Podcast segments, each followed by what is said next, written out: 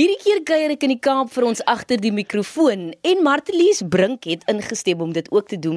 En die eerste keer kan sy nou vir ons sê wat is van die vreemdste dinge wat sy al op Facebook gekry het, Martelies? So lekker like om jou hier te hê. So welkom.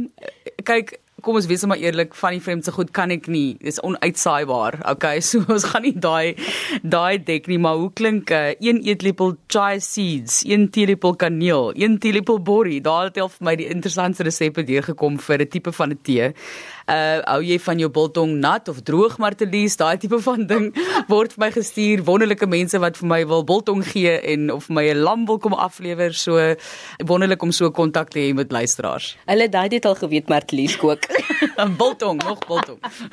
Nou waarom spandeer jy die meeste geld? Wat is soos wat die Engelsman dit noem jou guilty pleasure Ag, jene, wie jy kyk, ek kyk nou na jou skoene en ons weet jy het 'n eh, omtrent 'n woonstel vol skoene. So mm. dit sou wonderlik gewees het, maar dit werk nou nie vir my situasie nie. So ek spandeer maar my geld op goeie bestanddele en goeie wyn. Dit is nou maar as ek as ek die geld het, dan sit kwaliteit bestanddele of een of ander vreemde bestanddeel wat ek nog uh, nooit gebruik het nie, wat ook nou verskriklik duur is, so nou en dan doen ons dit. So dis maar waar ek dink die meeste van my besteebare inkomste uh, gespandeer word. Natuurlik kyk ons nou na 'n kar en huis, maar dis 'n ander storie. So kom ons gaan gou terug in tyd. En ons bly by die geld. Kan jy onthou wat jy met jou heel eerste salaris checkie gedoen het?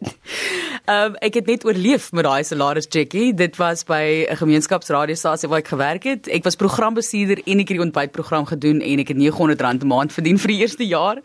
Die tweede jaar is dit dan verdubbel na R1800, maar ek het my studente lening afbetaal. Die R500 'n maand wat ek toe nou kon neersit, het ek neergesit. So dit is dit was op lenings en en ek weet die kos, jy weet, daai tipe van ding. Jy laat my baie dink aan môre as jy die hele tyd so praat van kos.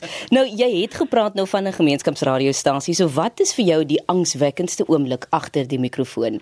So, ek dink wanneer jy onderhoude voer waar jy baie baie lig moet loop om 'n persoon se opinie na vore te bring en daardie persoon welkom te laat voel in die ateljee. So partykeer is daar moeilike onderwerpe wat my wat my bang maak, maar ek dink die mees angswekkende oomblik onlangs was toe ek besig was om uit te saai.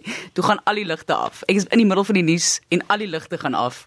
En al wat ek kan gryp is my selfoon om so ek kon nie eers hier die flits aan sit op die selfoon. Ek kon maar net so met die lig van die selfoon verder lees. So daai is nogal angswekkend want jy daar's niks wat jy kan doen nie. Jy kan nie in die middel van die nuus sê o, ons gaan nou 'n bietjie musiek luister nie. Jy weet ons speel musiek van 'n seriespeler af nie. So daai een is die lekkerie.